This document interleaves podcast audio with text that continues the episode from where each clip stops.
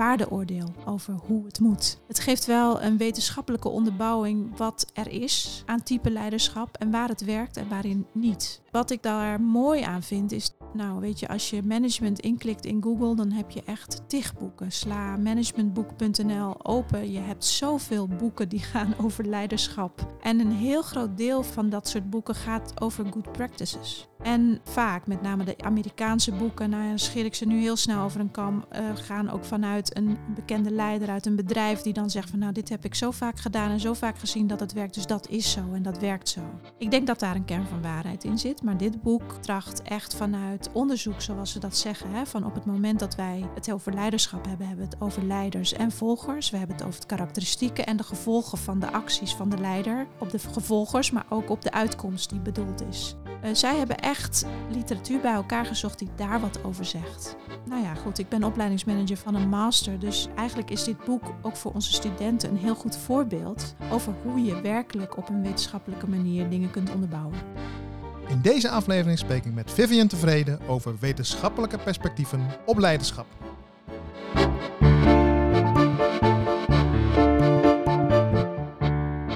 Nou, beste luisteraars, eh, ik zit aan tafel nu met uh, Vivian Tevreden. En wij gaan spreken over een ja, machtig boek. Machtig in de zin van het ziet er machtig uit qua inhoud en qua breedheid. Want we gaan praten over een van de meest overzichtelijke wetenschappelijke boeken over wat leiderschap is. Nog niet zozeer over wat goed leiderschap is. Daar is wel één hoofdstuk over. Het boek heet The Nature of Leadership. The Nature of Leadership is een boek van ongeveer 30 wetenschappelijke auteurs. En twee redacteurs die ook meeschrijven uiteraard. John Antonakis, Griekse naam, Zwitserse man. En David Day. Ik zeg een machtig boek, omdat het een overzicht geeft over alle scholen die tot nu toe wetenschappelijk als de, de meest belangrijke scholen gelden. Over leiderschap. Ik zal later nog iets vertellen over het boek zelf. Maar we zijn natuurlijk eerst benieuwd met wie zit ik aan tafel. Dag Vivian. Hallo. Vivian, wil je eens voorstellen wie jij bent qua werk? Ja, dat wil ik. Nou, Vivian Tevreden dus, zoals je me introduceerde. Ik ben op dit moment opleidingsmanager binnen een hogeschool in Zwolle. Hoe heet de hogeschool? De Hogeschool KPZ. Opleidingsmanager ben ik daar van twee opleidingen. Niveau 5 opleiding. Dat is een HBO-opleiding waarbij studenten na de MBO twee jaar studeren om pedagogisch verbinder te worden in het domein kind en educatie. En daarnaast ben ik opleidingsmanager van de master die we hebben. En daar leiden we leiders op die ook in het domein kind en educatie zoeken naar verbinding tussen onderwijs, kinderopvang, welzijn en jeugdzorg en lokale overheden.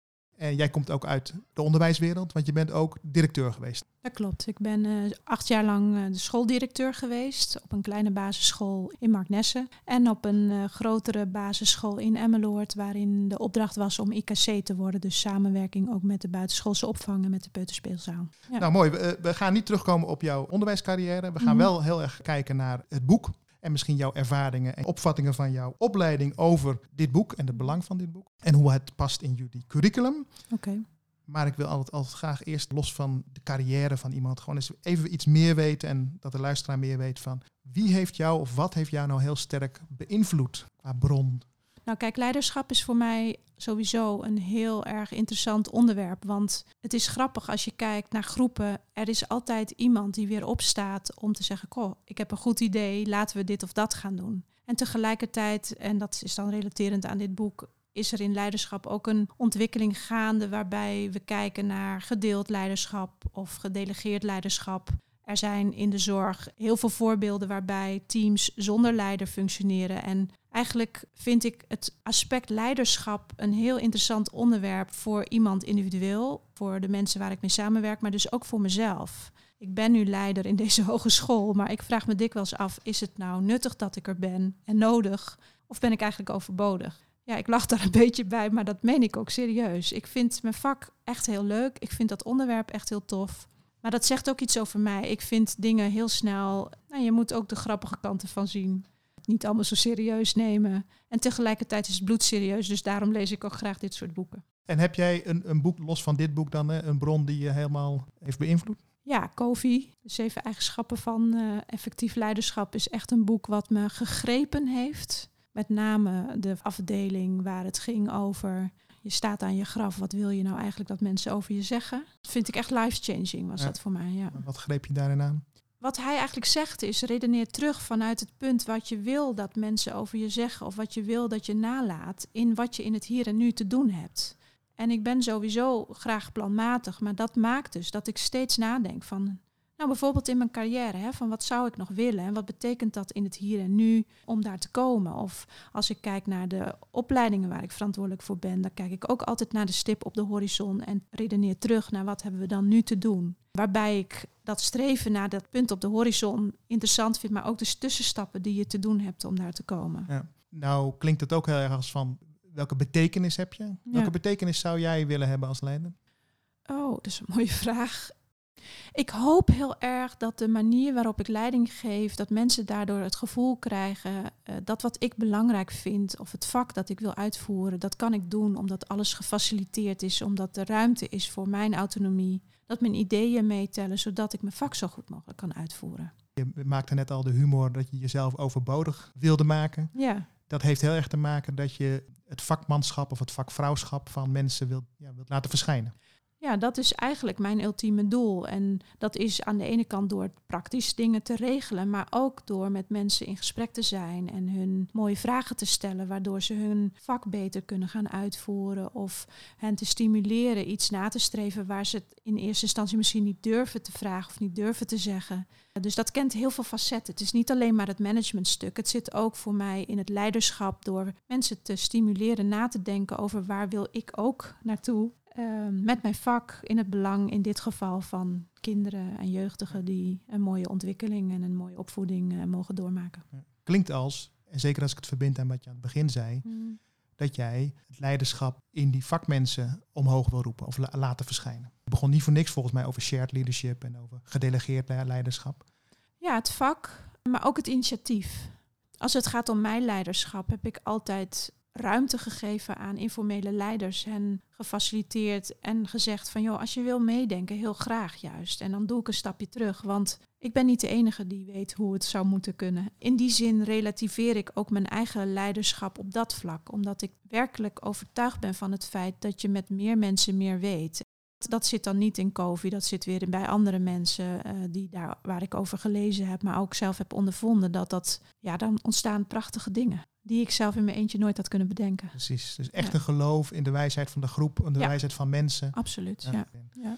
Klein linkje vast naar het boek. Hè. Het boek mhm. geeft een historisch overzicht. En Zeker. het leiderschap is natuurlijk begonnen, althans natuurlijk zeg ik, maar dat weten veel mhm. mensen, dat leiderschap sterk het beeld heeft van de grote, sterke man of mhm. vrouw. Ja, vooral de man. Hè, en vooral de man in die tijd. Speelt dat beeld ook een achtergrond hierin mee? Dat is niet jouw beeld van leiderschap in deze tijd het is eigenlijk een soort paradox, want als er geen leiderschap is, ontstaat chaos. Dat zie ik. En dan staan er weer nieuwe mensen op die dan de leiding nemen. Dus dat beeld van iemand die charismatisch voor de groep staat en bepaalt hoe het gaat, bijna karikaturaal op het moment. Maar er zit ook een soort van waarheid in. Het feit dat ik op deze plek zit en vanuit deze visie naar leiderschap kijk, maakt dat, mij, dat het zo gaat. Ja. Tegelijkertijd denk ik wel dat ook bewezen is, en dat is mooi aan dit boek, vind ik, dat sturend top-down werkt eigenlijk alleen maar als er crisis is. Sterker nog, in de coronatijd zien we dat nu, dat, dat, er ook bijna wordt teruggegrepen op bijna top-down-achtige. En dat, dat is te verklaren, want dan kun je bijvoorbeeld biologisch kun je dat terugvinden. Zeker, ja. Maar daarmee zeg jij ook, dat is, dat is niet de gewone situatie.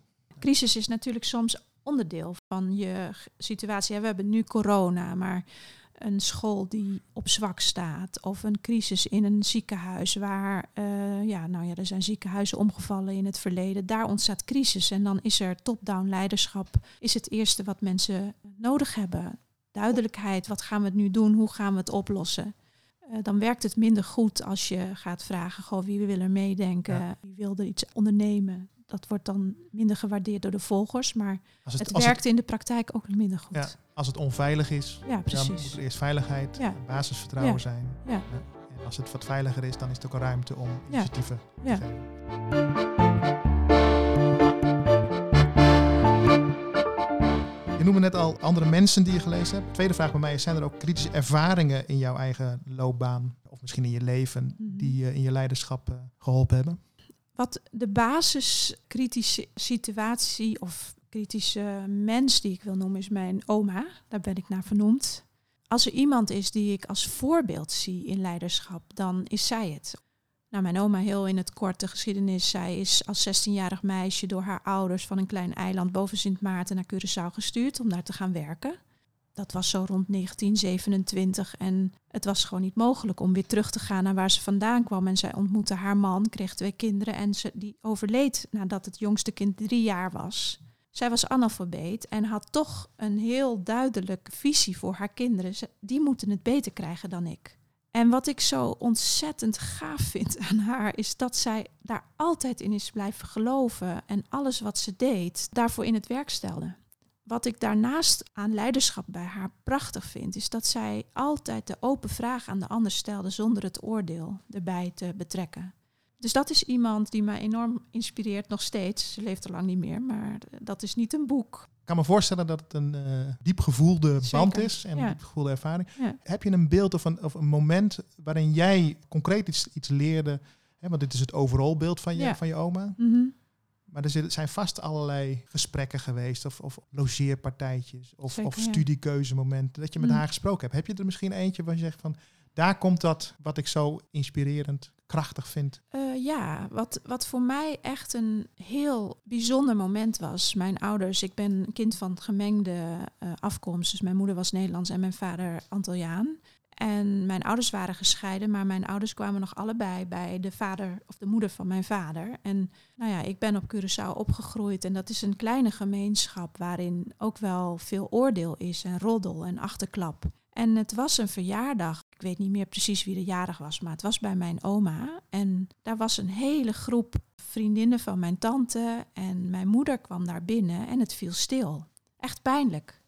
En ik zie nog als kind mijn oma naar buiten lopen. En ze loopt naar mijn moeder en omarmt die. En zegt: Je bent welkom in mijn huis altijd. Ja, dat is voor mij, als je kijkt naar leiderschap, dat is lef tegen de heersende moraal in. Je niet aantrekken van wat de grote meute vindt. Gewoon staan voor waar je voor staat. Dat is voor mij echt een hele cruciale eh, situatie. Die herinnering die komt heel vaak bij mij terug op het moment dat het moeilijk is, dat je tegen de heersende moraal iets moet kiezen, dat je, dat je eigenlijk alleen staat. Alleen staat je innerlijk kompas misschien moet ja, volgen. Klopt, ja dat helpt mij heel vaak in moeilijke besluiten die ik moet nemen, bijvoorbeeld. Of situaties waar ik ook als schoolleider in belandde, in discussie met een bestuurder of in discussie met ouders. Dat ik steeds daaraan denk en denk van ja, maar ik sta hiervoor. En dat betekent dat je soms moet incasseren, ook als, als formeel leider. Maar dat doe ik voor de grote goede zaak. En in het onderwijs is dat voor mij altijd de goede ontwikkeling van kinderen. Ja. En je zegt dan moet ik daaraan terugdenken. Denk je dan aan die specifieke ervaring of denk je dan aan je oma terug? Nou, beide. Ik heb daar die situatie die ik net schets gezien wat het betekent als je het verschil maakt. Als je kiest voor je innerlijk kompas, uh, dat niemand ook commentaar kan hebben. Want uh, ja, het gevolg daar was dat iedereen een soort van adem haalde en het gesprek doorging en het oké was dat zij daar was. de gescheiden vrouw die toch Zeker. daarbij hoorde. Ja. Zeker, ja. ja. Dus die, die ervaring, daar denk je aan terug. Maar ook dat algemene beeld wat je van je oma hebt. Dat je in feite in gesprek gaat in je gedachten. Ja. In innerlijke dialoog met je oma. Hè, Zeker, ja. Wat zou oma doen? Wat zou Vivian, oma Vivian? Ja. ze zit vaak in mijn meditaties bijvoorbeeld. Prachtig, ja. Zeker. Nu heb je iets heel moois verteld over je oma en wat mhm. zij goed kon. Uh, wat, wat kun jij goed en wat is voor jou een, een punt, uh, opportunity to grow? Zoals uh, Brené Brown altijd zo mooi zegt. Mijn opportunity to grow is mijn geduld. Ik heb hele mooie ideeën en ja, ik ben soms ongeduldig. Dat snap ik van mezelf, maar ik weet dat het voor de ander soms ingewikkeld is. Waarom beginnen heel veel mensen met hun negatieve met kant? Hun negatieve kant. Dat, is, dat valt me nu vaker op. Oké, eh, bescheidenheid denk ik. Dat zou, jou, dat zou jouw antwoord zijn. Ja. ja, ja. Maar ik heb ook wel dingen waar ik echt trots op ben. Ja, zoals?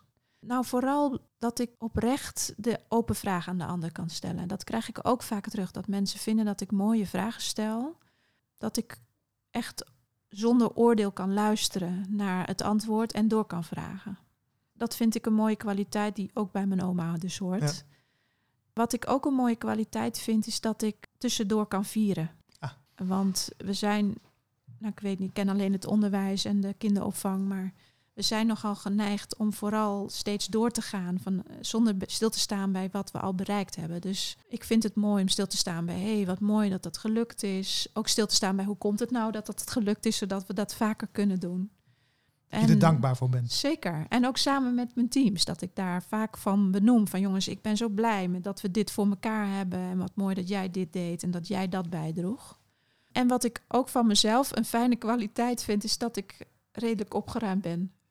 ik ben, ja, ik kan wel in de put zitten, eh, maar niet zo lang. Je maakt een plan. Hè? Je zei eerder al van ik maak een Ja. plannen en dan kan ik het opruimen. Ja, ja ik ben gezegend met een, een vrolijke inborst, laat ik het zo zeggen. Vrolijke inborst en opgeruimde geest. Ja, Helpt meditatie bij deze drie dingen? Heel noemde- erg. ja. heel erg, ja. Wat betekent meditatie voor jou dan? Meditatie is mijn eh houden zaagscherp van koffie. Oh ja. Dus ik mediteer elke dag en elke dag een kwartiertje. Maar ehm, als, het, als, als ik te druk word bijvoorbeeld, dan dwing ik mezelf om langer. En dat doe ik bijvoorbeeld ook wandelend. En dan een uur lang minimaal om echt weer te komen bij dat innerlijk kompas. Ja, ik kan echt niet meer zonder. Eh, hoe werkt dat voor jou dan? Dat je, eh, ieder mens heeft een eigen idee bij meditatie. Ja. Wat is jouw beeld? Wat je van, ik doe het wandelend, maar ik kan het ook ochtends een kwartiertje of s s'avonds. Wanneer, hoe moet ik me- hoe moet ik me voorstellen? Nou, de dagelijkse meditatie is een kwartiertje als ik opsta, bij mijn bed zitten. En dan doe ik mijn raam bij mijn slaapkamer eh, open. Adem ik in wat, eh, wat de lucht brengt, de vogels op het moment bijvoorbeeld. En adem ik rustig. En als ik dan voel in mijn hart dat, dat ik zacht voel, zeg maar, dan eh, stel ik me voor de lijnen achter mij. Mijn vader en mijn moeder, ze leven allebei niet meer. En mijn oma, oma is daarachter. En ben ik dankbaar voor het leven. Dat Ja. is eigenlijk mijn dagelijkse gang. Mooi, Eh, mooi beeld. Dus je, je, je, maakt fysiek contact met het leven, maar ook Ja. met de voorouders zou je Zeker, kunnen zeggen. ja. En met, de, met generaties met ons. Ja. Ja, en dan naast mij mijn, mijn man en voor mij mijn kinderen die ik eh, gun om het leven te mogen leven met de partners die ze op, nu, eh, op dit moment hebben. En dan kun je de dag beginnen. Ja, Zonder dit kun jij de, Nee. wil, wil je de dag niet beginnen. eh, nee, eigenlijk niet. Het voelt voor mij als heel als ik zo de dag begin. En kan ik ook de ander in liefde, zeg maar, tegemoet treden. Mooi. En die wandeling, hoe, bestaat voor jou een, een stiltewandeling of een meditatiewandeling? Als je zegt, ik ga een uur lang. Ja, als ik dat gewoon doe, als ik gewoon goed in mijn, in mijn vel zit, is het lekker. Eh, de meditatie is dan dat ik eh, adem tel op de ademhalingen die ik stap. En eh, daardoor wordt het op een gegeven moment stil in mijn hoofd. Ik wandel soms ook als het echt chaos is in mijn hoofd. En dan is het worstelen. Want dan hoor ik auto's en dan hoor ik vliegtuigen. En irriteer ik me aan fietsers die niet bellen. En is er chaos. En dan duurt het echt lang voordat ik ja, weet je, tellen van in één, uit twee, dat, dat wordt dan steeds onderbroken door al die prikkels, maar eigenlijk de prikkels uit mijn eigen lijf. Ja. En komt het er wel eens voor dat je dan eh, een hele wandeling niet, niet bent aangekomen in jezelf? Nee, eigenlijk niet meer. Nee. Nee, nee maar de, een uur zeg ik niet voor niets. Een uur is wel nodig. Als ik zo chaotisch start met lopen, dan duurt dat echt een uur voordat ik weer in mijn innerlijk kompas ben.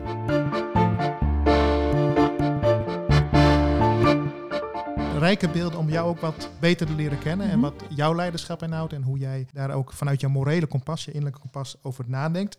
Dat maakt het interessant om in ieder geval naast het boek te leggen. Mhm. Want jij hebt gekozen om het over eh, dit eh, wetenschappelijke boek te hebben. En ik heb al één ding erover gezegd. Dat een van de laatste hoofdstukken gaat wel over ethiek en mora- eh, Zeker, ja. moraliteit. Mhm. Maar de meeste hoofdstukken zijn een beschrijving van de wetenschappelijke stand van zaken over wat leiderschap is. En niet zozeer wat goed leiderschap is. Nee. Ik zal voor de eh, luisteraar heel kort iets zeggen over het boek. Het boek zelf heeft dus 30 auteurs. eh, heeft twee redacteurs die hebben geprobeerd om er niet een, een soort review-album van te maken van 30 losse artikelen. Want dat zou, is een gevaar. Wat ze ook niet gedaan hebben, is er om een encyclopedie van weetjes alleen van te maken. Maar wat ze geprobeerd hebben, is de wetenschappelijke stand van zaken over de jaren heen, eigenlijk in de 20e en de 21e eeuw, op een rij te zetten. Maar dat wel te verbinden eh, met elkaar en met hun definitie van leiderschap. Mhm. Eh, zij geven ook een definitie van leiderschap. En vanuit die leiderschap gaan ze een aantal thema's bespreken. Een aantal paradigma's over leiderschap. Ik zal ze zo even noemen. En een aantal thema's die kunnen spelen bij leiderschap. En die thema's worden ook weer verbonden aan die eerdere paradigma's. Ik zal zo komen op hun definitie, want die definitie kun je mooi uitvouwen en die wil ik ook uitvouwen met Vivian. Maar de zeven grote scholen van leiderschap zou je ze kunnen noemen, de zeven paradigma's die ze behandelen in de eerste helft zou je kunnen zeggen van het boek, zijn leiderschap als karakteristieken, als, als, als kenmerken van leiderschap. Dus het zit in je traits, zoals de, de Engelsen dan zeggen, in je karakter. Het gaat over de school van charisma en nieuw leiderschap, dat is de tweede. Cognitieve perspectieven op leiderschap, relationeel leiderschap, shared leadership. Ik laat het dit even onvertaald staan. Jij zei het ook al en zo is het in Nederland ook bekend. En het laatste, en dat is geschreven door een Nederlander. Het zit doen wel meer Nederlanders mee. Mark van Vught. En dat gaat over de evolutionaire, biologische mhm. en neurowetenschappelijke perspectieven op leiderschap. En elk hoofdstuk werkt hetzelfde. Er is vaak een schema. Dat geeft heel duidelijk aan wat het overzicht is. Dat wordt uitgelegd en wordt verbonden aan literatuurbronnen, aan onderzoeksuitkomsten en aan discussie over onderzoek. En vervolgens verwijst ze op het einde naar een hele rij van literatuur. Dus je mhm. krijgt alle wetenschappelijke literatuur van die school, plus linkjes naar filmpjes. dat hebben ze nieuw gedaan. Hè? Ja. Het tweede deel, dan kom je niet de grote scholen tegen, maar kom je de belangrijke onderwerpen of thema's tegen, zoals uh, sociale cognitie, gender, macht, identiteit, cultuur, ontwikkeling van leiderschap, interessant ook in opleidingen, en ondernemerschap in leiderschap. Uiteindelijk is er een laatste gedeelte, dat is het kleinste gedeelte, dat is een soort metagedeelte dat reflecteert op hoe doe je nou eigenlijk onderzoek. En wat is nou de ethiek van, van leiderschap? Dan komt een klein stukje Aristoteles onder andere. En er is een mooi tribute tot een van uh, de, de, de, auteurs die er niet meer is, uh, Warren Bennis. Nou, dat is een overzicht. Uh, ik kan het opleiders en zeker ook bestuurders aanraden. Of algemeen directeuren die met veel mensen werken, omdat je daarmee in ieder geval ook de wetenschappelijke stand van zaken en het overzicht hebt.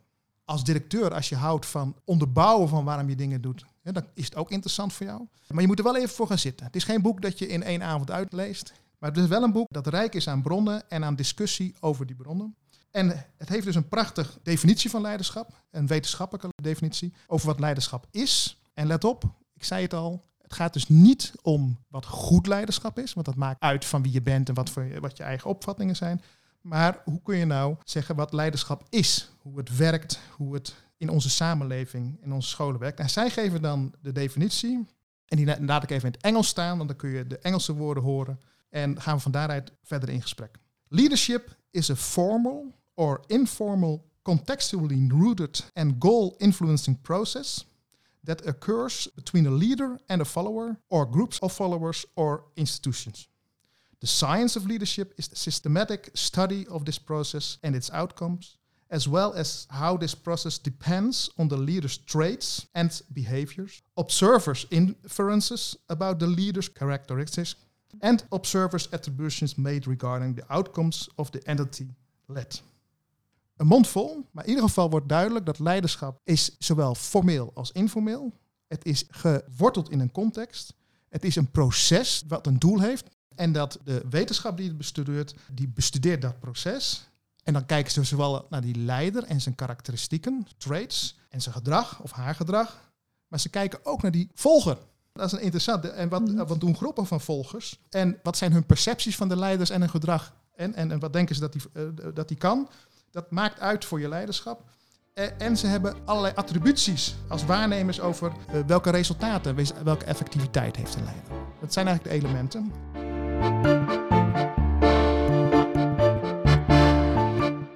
Jij hebt het boek aangegeven. Kun je even, voordat we die definitie gaan uitpakken, zeggen van waarom is dit boek zo belangrijk voor jou of voor jouw opleiding? Nou, dit boek hebben wij gekozen binnen de master als basisboek voor het leiderschap dat we daarvoor staan. Het is wel grappig dat je dat zegt. Hè? Dit boek geeft geen waardeoordeel over hoe het moet. Het geeft wel een wetenschappelijke onderbouwing wat er is aan type leiderschap en waar het werkt en waarin niet. Wat ik daar mooi aan vind is dat je, nou weet je, als je management inklikt in Google, dan heb je echt tig boeken. Sla managementboek.nl open. Je hebt zoveel boeken die gaan over leiderschap. En een heel groot deel van dat soort boeken gaat over good practices. Dus wat werkt en wat werkt niet. Vaak, met name de Amerikaanse boeken, nou scheer ik ze nu heel snel over een kam, uh, gaan ook vanuit een bekende leider uit een bedrijf die dan zegt van nou dit heb ik zo vaak gedaan en zo vaak gezien dat het werkt, dus dat is zo en dat werkt zo. Ik denk dat daar een kern van waarheid in zit, maar dit boek tracht echt vanuit onderzoek, zoals ze dat zeggen, hè, van op het moment dat wij het over leiderschap hebben, hebben we het over leiders en volgers. We hebben het over de karakteristieken en de gevolgen van de acties van de leider op de gevolgers, maar ook op de uitkomst die bedoeld is. Uh, zij hebben echt literatuur bij elkaar gezocht die daar wat over zegt. En nou ja, goed, ik ben opleidingsmanager van een, van een master, dus eigenlijk is dit boek ook voor onze studenten een heel goed voorbeeld over hoe je werkelijk op een wetenschappelijke manier dingen kunt onderbouwen. En wat ik echt tof vind aan de beide redacteuren is dat zij nou in het voorwoord ook zeggen van alle mensen die hebben meegedaan, hebben wij gevraagd om nieuwe dingen in te brengen. Alles wat er al stond, dat mochten ze niet meer inbrengen. Nou, daar word ik vrolijk van, eerlijk gezegd. Dus het is ook echt zo aanvullend op elkaar. En ik, als je dan de eerdere versie vergelijkt met die versie die nu is uitgekomen. Inderdaad, jij noemt de filmpjes, maar daar is dus ook weer nieuw onderzoek aan toegevoegd. Uh, dus ze blijven gewoon up-to-date en dat vind ik heel mooi aan dit boek. En dat bedoel je ook als je zegt van uh, daar word je blij van, omdat het verschil is tussen die eerdere versies en die, en die nieuwe. Je mag bij, de, bij deze derde editie mag je mhm. alleen nieuwe dingen toevoegen. Zeker. En niet jezelf gaan herhalen. Nee, mag niet. Ja. nou, begon jij al uh, in je eigen introductie, uh, gaf je in ieder geval ook aan dat shared leadership bijvoorbeeld van, van belang is. hè? Mhm. Nou, dat is een van die, van die scholen. Zeker. Maar voordat we naar die scholen toe gaan, uh, welke ontwikkeling, kun je die even de luisteraars meenemen, is er zeg maar vanaf begin 20e eeuw tot, tot nu? Wat is ongeveer die verhouding tussen die scholen? Nou, als je kijkt naar waar hij mee start, hè, de, de leider aan de top die top-down beslist. Als je kijkt naar Harrison Ford bijvoorbeeld, of um, meneer Ford van, uh, van de Ford-fabriek, die hij had allerlei ideeën en uh, legde dat uit aan zijn, aan zijn boord en aan de mensen daaronder en dat werd gedaan. Dat is eigenlijk waar we vandaan komen. Donald Trump is zo'n man, bijvoorbeeld. De geschiedenis herhaalt zich dus wel af en toe. Ja, ja. En eigenlijk zie je dan dat de ontwikkeling zich gaat informeren naar, oké, wat zijn dat nou voor kwaliteiten in zo'n leider? En kun je die dan aanleren met een scholing of een voorbeeld? Waardoor de ontwikkeling ging naar niet alleen iemand met charisma, maar naar iemand die iets leert om leider te worden. En dat heeft geleid naar dat er meerdere mensen in organisaties leiders uh, mochten worden. Er kwamen meer lagen in organisaties waar mensen op middenmanagementlagen dingen gingen zeggen. En toen is er gekeken naar wat betekent dat dan als, als leider, hoe je de verschillende lagen met elkaar kunt verbinden. En dat is eigenlijk een voorbode naar gedelegeerd en gedeeld leiderschap. Um, en als je dan verder doorredeneert, maar dat staat eigenlijk bijna niet in dit boek, gaat het ook nog eigenlijk in de huidige tijd over teams die zonder leider functioneren. Als we het over wetenschap hebben, is dat een beetje de lijn die je ziet. En daar schommelt het steeds dus. En dat zeggen zij ook. Hè. Het is afhankelijk van de volgers, maar ook van afhankelijk van de situatie, welk type leiderschap gevraagd wordt, maar ook verwacht wordt van volgers. Nu we het toch over wetenschap hebben, wetenschap is natuurlijk ook niet neutraal. Nee, los van de zeven scholen die ze noemen binnen het leiderschapsonderzoek. Wat zou je zelf zeggen van wat voor type wetenschap passen ze toe? Nou, veel onderzoeken die gedaan zijn grootschalig in bedrijven. Het is, uh, het is een, een, een, boek wat nou, vooral vanuit de corporate sfeer uh, onderzoek aan, aandraagt. Veel vragenlijsten, veel uh, observaties op fabrieksafdelingen waaruit geput wordt. Eh, er zit ook wel veel vergelijkend onderzoek in, waarin eerdere mensen vergeleken worden met mensen die nu huidig zijn. Dus het is eigenlijk een keur aan ja. verschillend onderzoek. Als ik ja, kijk, aanvullend en een kritische noot om samen uh, te, te, kraken hoor. Er heel veel meta-onderzoek zit er ook in. Klopt. He, dus, dus, uh, en wat ze allemaal overeenkomen is dat het vooral sociologisch onderzoek is, of, of, algemene sociale wetenschappen, en dat het gericht is op empirie en op effectiviteit. Ja. Dat is ook goed, daar moet ik die kritische noot even neerzetten dat is dus ook kenmerkend als je dit boek gebruikt, dat je wel een bepaald soort empirische data mhm, gebruikt. Want klopt, ja. Je kunt ook narratief onderzoek. Dat komt minder vaak voor, ja, is klopt. mij opgevallen. Ja, dat klopt. Ja, en eh, zeg maar de studenten die bij ons studeren, die uh, komen allemaal uit het domein kind en educatie. Hè? Dus kinderopvang, onderwijs, welzijn, jeugdzorg. Die geven aan van ja, het is vooral bedrijfsmatig gericht en niet zozeer onderwijs. Kan je dat dan wel toepassen op het onderwijs? ben heel blij met die vraag. Ja? Want dat betekent dat ze kritisch zijn in uh, hoe toepasbaar is deze bron op dat wat wij, uh, ja, in het domein waar wij werken. Het mooie is dat ze kritisch zijn. Tegelijkertijd kan dat ook zijn is van dat ze eigenlijk zeggen van ja, als het niet toepasbaar is, dan kan ik, kan, nou, kan ik er ook niks met elkaar, mee. Nou, dat, dat is wel heel bout, denk ik. Maar we hebben daar wel het mooie gesprek over. En daar leggen we dan ook met hen andere bronnen naast die wel heel erg vanuit onderwijs uh, zijn uh, ingegeven. En dan kun je ook dingen met elkaar vergelijken. Waar Antonakis en D dingen zeggen. Wat, wat komt er dan bijvoorbeeld terug bij voelen? Of wat komt er dan bijvoorbeeld terug bij een heel groot onderzoek dat door Leadhood is gedaan, bijvoorbeeld in het onderwijs. En dan krijg je wel inzicht in dat er vergelijkbare dingen naar boven komen. Ja. Dus dat ja, ondersteunt dan eigenlijk dat die bron wel degelijk uh, van waarde is.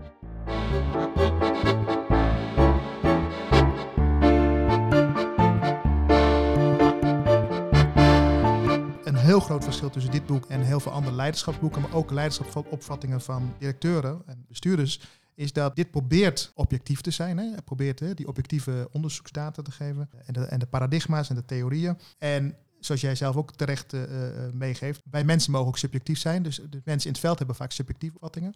Nou zijn er mensen in opleiding, maar ook directeuren, die kunnen ook, is mijn ervaring, behoorlijk in een eigen school zitten. Mm -hmm. En dit boek zit dus niet in een eigen nee, school, want die nee. biedt heel veel scholen aan. En die zegt ja. van, ja, waar zit jouw onderzoek en, en ga daar eens in verder kijken. Zou jij eens kunnen zeggen van hoe kan bijvoorbeeld ontmythologisering van bijvoorbeeld bepaalde leiderschapsopvattingen die soms bij mensen in het veld zijn of bij leraren of bij mensen die de opleiding doen, aan de ene kant. En dat je echt kunt weerleggen met data uit dit onderzoek bijvoorbeeld, ja. of uit dit boek. Ik vind dat heel gezond. En dat is eigenlijk ook de grote opdracht die ik mezelf stel als opleidingsmanager van de master, maar eigenlijk in de andere, alle opleidingen. Hè, van, is dat wat je vindt en denkt, is dat echt zo? Of is dat omdat je dat geleerd hebt van een ander of ziet of aanneemt? En dit boek geeft dus eigenlijk het voorbeeld. Er zijn zoveel aannames over leiderschap, maar die zijn lang niet allemaal waar. En wat ik bijvoorbeeld zelf uit dit boek een heel mooi hoofdstuk vind, is juist dat hoofdstuk over de volgers. Hoeveel invloed die hebben op of een leider goed bevonden wordt of niet. Kun je daar iets meer over zeggen? Dus, dus de percepties van de volgers zijn dat. Uh, zowel over het karakter van een persoon, maar ook het stereotype beeld wat ze van een leiderschap hebben. Dat is één. Mm -hmm. En over de, uh, de outcomes, hè? dus de, ja, ja. de resultaten van een leider. Ja. Wat ik mooi vind om eens te beginnen met de resultaten van een leider, is wat waar we het net even over hadden. Hè? Dat uitkomsten van leiders zijn zeer afhankelijk van de situatie waar ze in zitten. Dus een leider die in crisis iets moet oplossen of een leider die in relatieve rust uh, een organisatie vooruit moet brengen, blijkt dus uit onderzoek, komt op hetzelfde uit.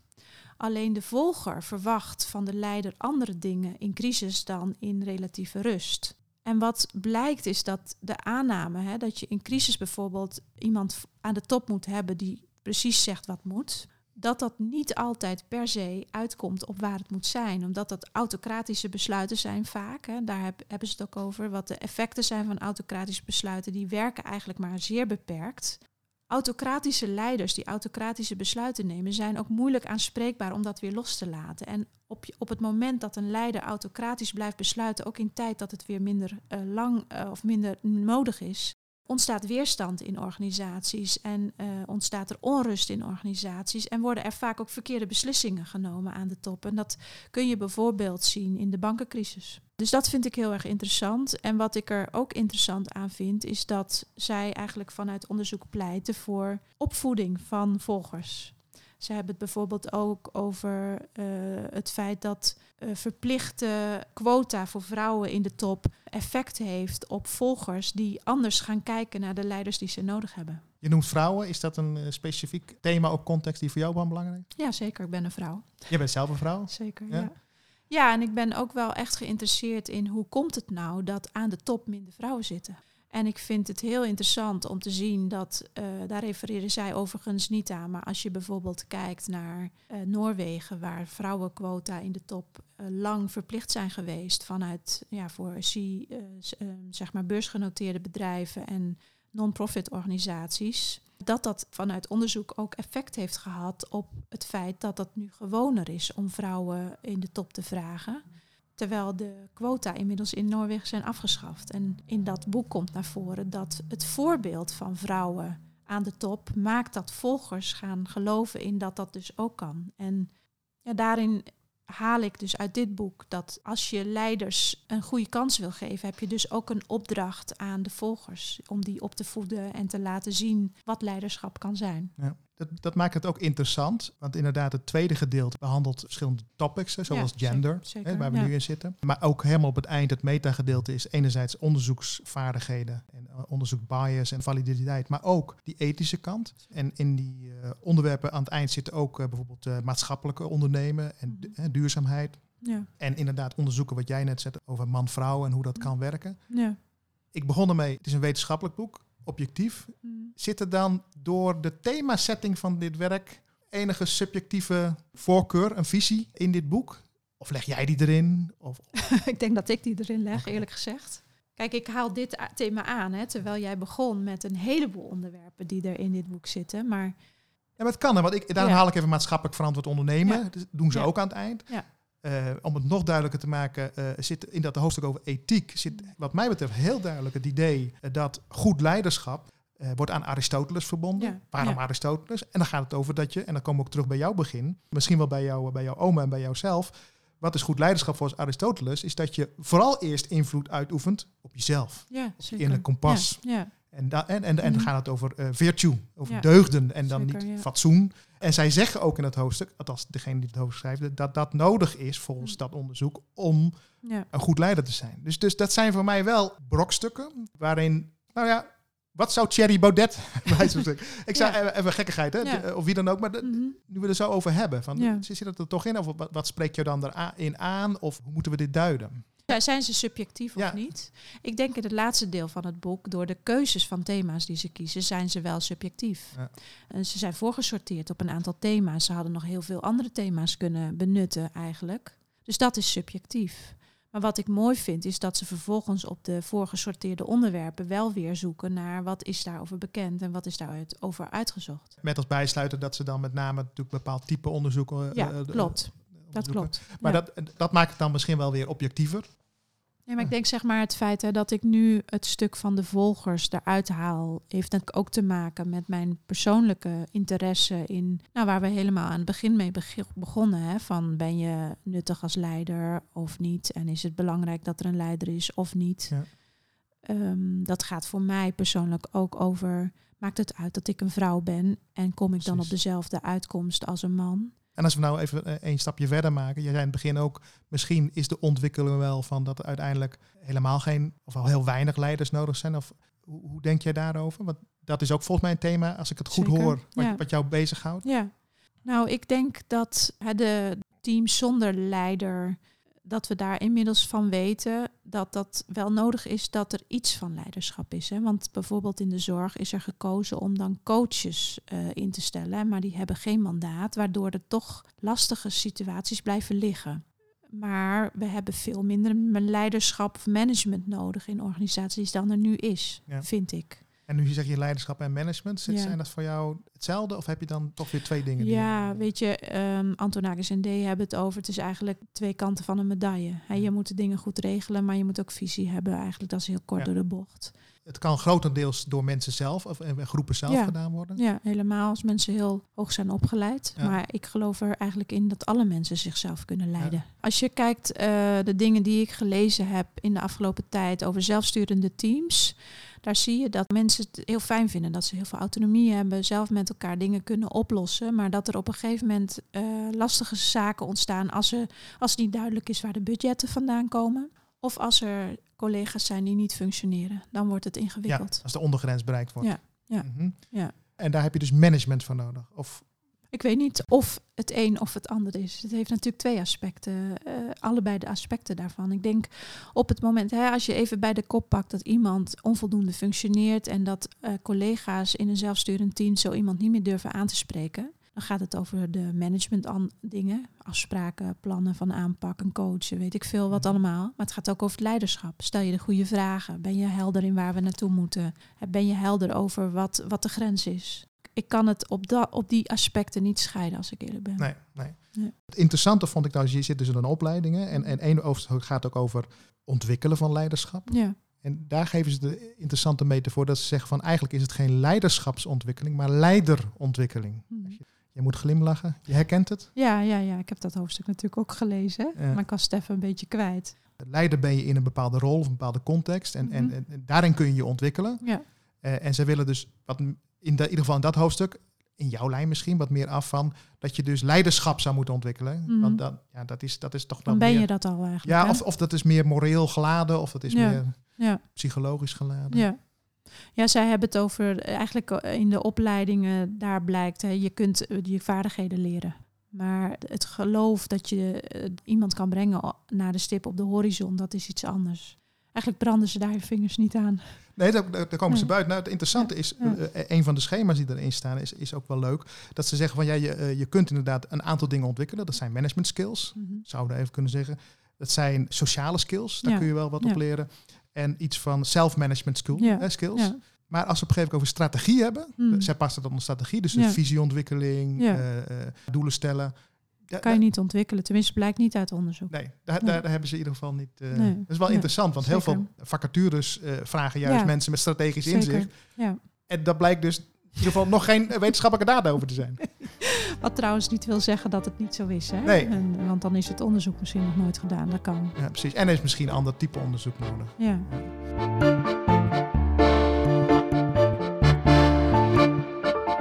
Nou, we hebben het over een heel aantal dingen gehad die jou aanspreken erin. hè? Mhm. We hebben ook gekeken naar wat het boek is en, en wat je ermee kunt. Ik snap heel goed dat je in de opleiding bereikt. Ik heb er ook iets over gezegd van dat ik denk dat bestuurders en algemeen directeuren er zeker eens kennis van eh, mogen nemen. Eh, en directeuren als ze, als ze van, van studie houden. Graag Wat- zelfs. Wat zou jouw advies zijn? Waarom zouden directeuren in het veld die niet de opleiding doen, toch dit boek moeten lezen? Nou, eigenlijk ben ik het heel erg eens met jouw advies dat bestuurders, maar ook directeuren dit boek kunnen lezen om te weten van wanneer werkt leiderschap nou en wanneer niet.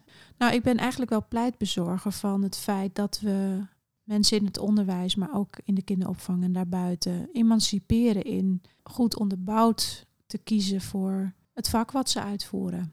En ik snap wel dat dat misschien even studeren is, maar ik merk ook bij studenten die we hiertoe stimuleren dat als ze eenmaal dat aan het doen zijn, dat ze daar ook plezier aan beleven en met elkaar het mooie gesprek hebben. Ik kan me nog herinneren bijvoorbeeld dat ik als schoolleider ook een intervisiegroep had. En dat gaat natuurlijk, en dat is ook logisch, veel over de urgente zaken die je bij de kop hebt te pakken, waarin je met elkaar samen mooi nadenkt hoe zou ik dat kunnen oplossen. Maar het zou ook heel mooi zijn om bijvoorbeeld in zo'n intervisiegroep van schooldirecteuren of managers in de kinderopvang zo'n hoofdstuk te lezen allemaal. En daar eens met, met elkaar over van gedachten te wisselen. En ja, dat te koppelen aan wat is jouw ervaring op dit gebied en wat zegt de literatuur daar nu over. En zouden we dan iets kunnen aanpassen in het leiderschap wat wij eh, voeren. En ik denk dat dat ook voor bestuurders interessant kan zijn. Ik weet dat er bestuurderoverleggen zijn. Dat gaat natuurlijk veel over de strategische agenda, de strategische maatschappelijke agen- agenda. Ja, ja. Ja. maar ook op dit vlak vind ik persoonlijk dat bestuurders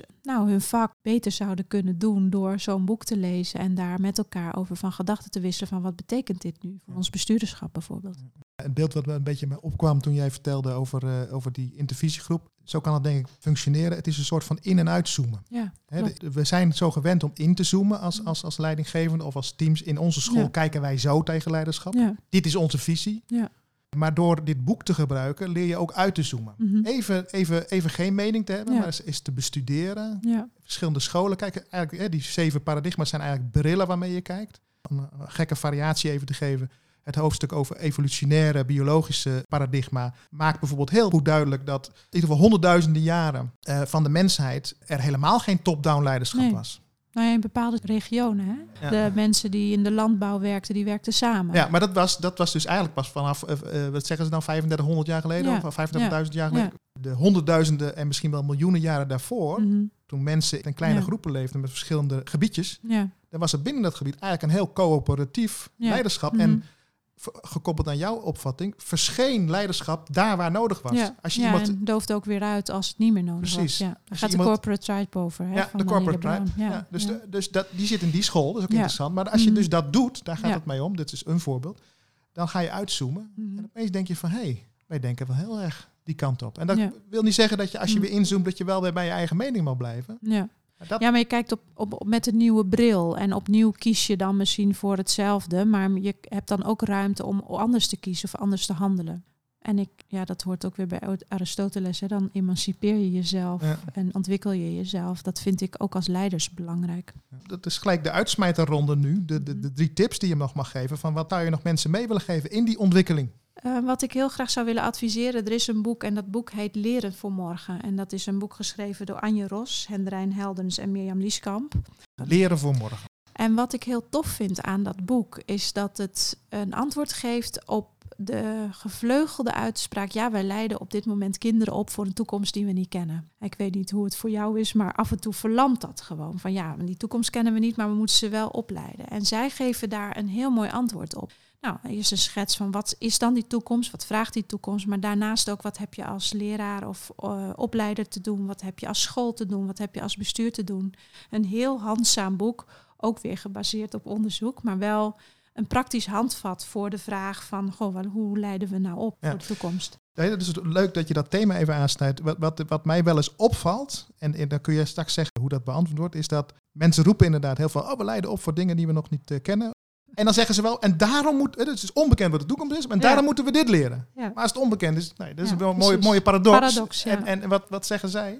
Uh, nou, zij splitsen die toekomst uit in, weer in een aantal facetten. Ze hebben het over kansenongelijkheid en uh, te vroeg signaleren. Nou ja, ik wil niet zeg maar helemaal op dit boek ingaan. Maar wat ik mooi vind aan het boek is dat ze eigenlijk een trap maken van wat moet je als leerkracht, leerkracht in het basisonderwijs, maar ook als opleider in de Pabel, maar ook uh, binnen je managementteam, maar ook in je bestuur doen om een antwoord te geven op die toekomst. Kijk, want ik denk dat onderwijs kent de paradox van dat we enerzijds conserveren, we geven iets door wat belangrijk is, ja. en anderzijds waar dit boek natuurlijk op ingaat. Ja.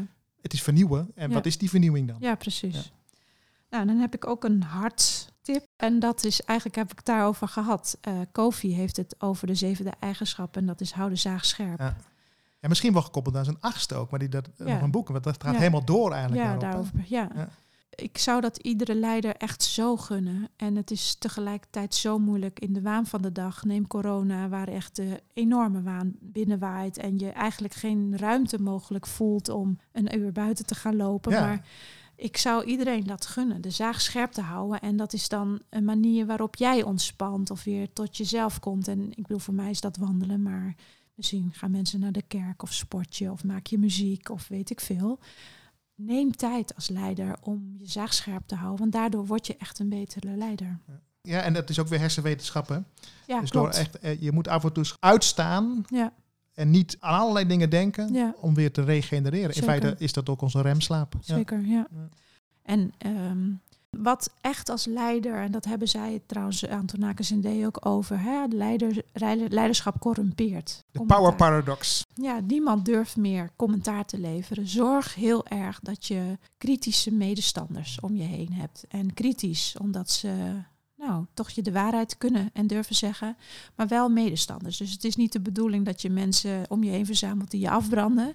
Maar ook niet mensen die je alleen maar naar de mond praten. En dat is best wel zoeken. Als je, ik denk hoe hoger je, dat zeggen zij ook, hè, hoe hoger je in de top komt, wordt dat steeds moeilijker. Ja, ik gun dat elke leider dat je dat voor jezelf faciliteert. Die, die nar bij die koning in, de, in het middeleeuwse hoofd was zo gek nog Nee, inderdaad, inderdaad.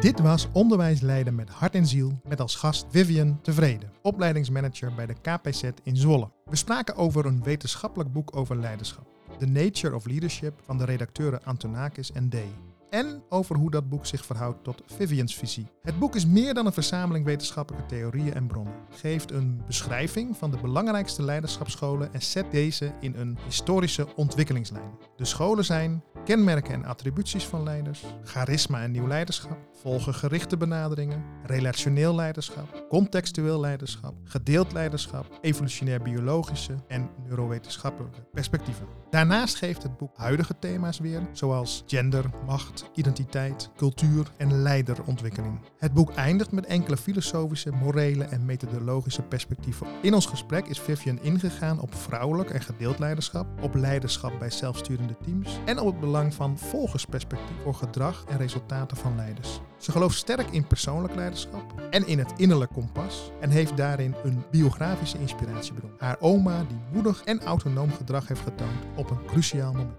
Deze podcast is mede mogelijk gemaakt door ATTC, schoolleidersopleiding in Hilversum, voor leraren en beginnende leidinggevenden in PO en VO. Mijn naam is Taco Visser en mijn motto is lesgeven en leidinggeven met liefde.